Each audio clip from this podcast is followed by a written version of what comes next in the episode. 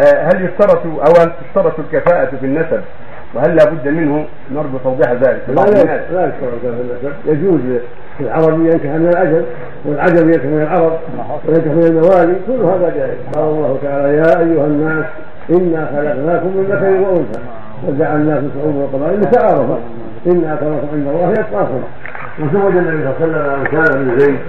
هذا في قيس الخرافيه وزوج أبوه زيد بن حارثة. زينب بن جحش المؤمنين قبل النبي عليه الصلاة والسلام وهي اسديه وزوج عبد الرحمن بن وزوج عبد الرحمن أخته لبلال الحبشي إلى غير هذا. المقصود أن هذا ليس بشرط لكن العرب من شانهم من طبيعه العرب القديم أنهم لا يرضون أن يزوجوا العجم والموالي من بناتهم ومن تساهل بهذا وأخذ بما جاءت من الشريعة زوج ولم يبالغ. لكن من امتنع فلا حرج عليه.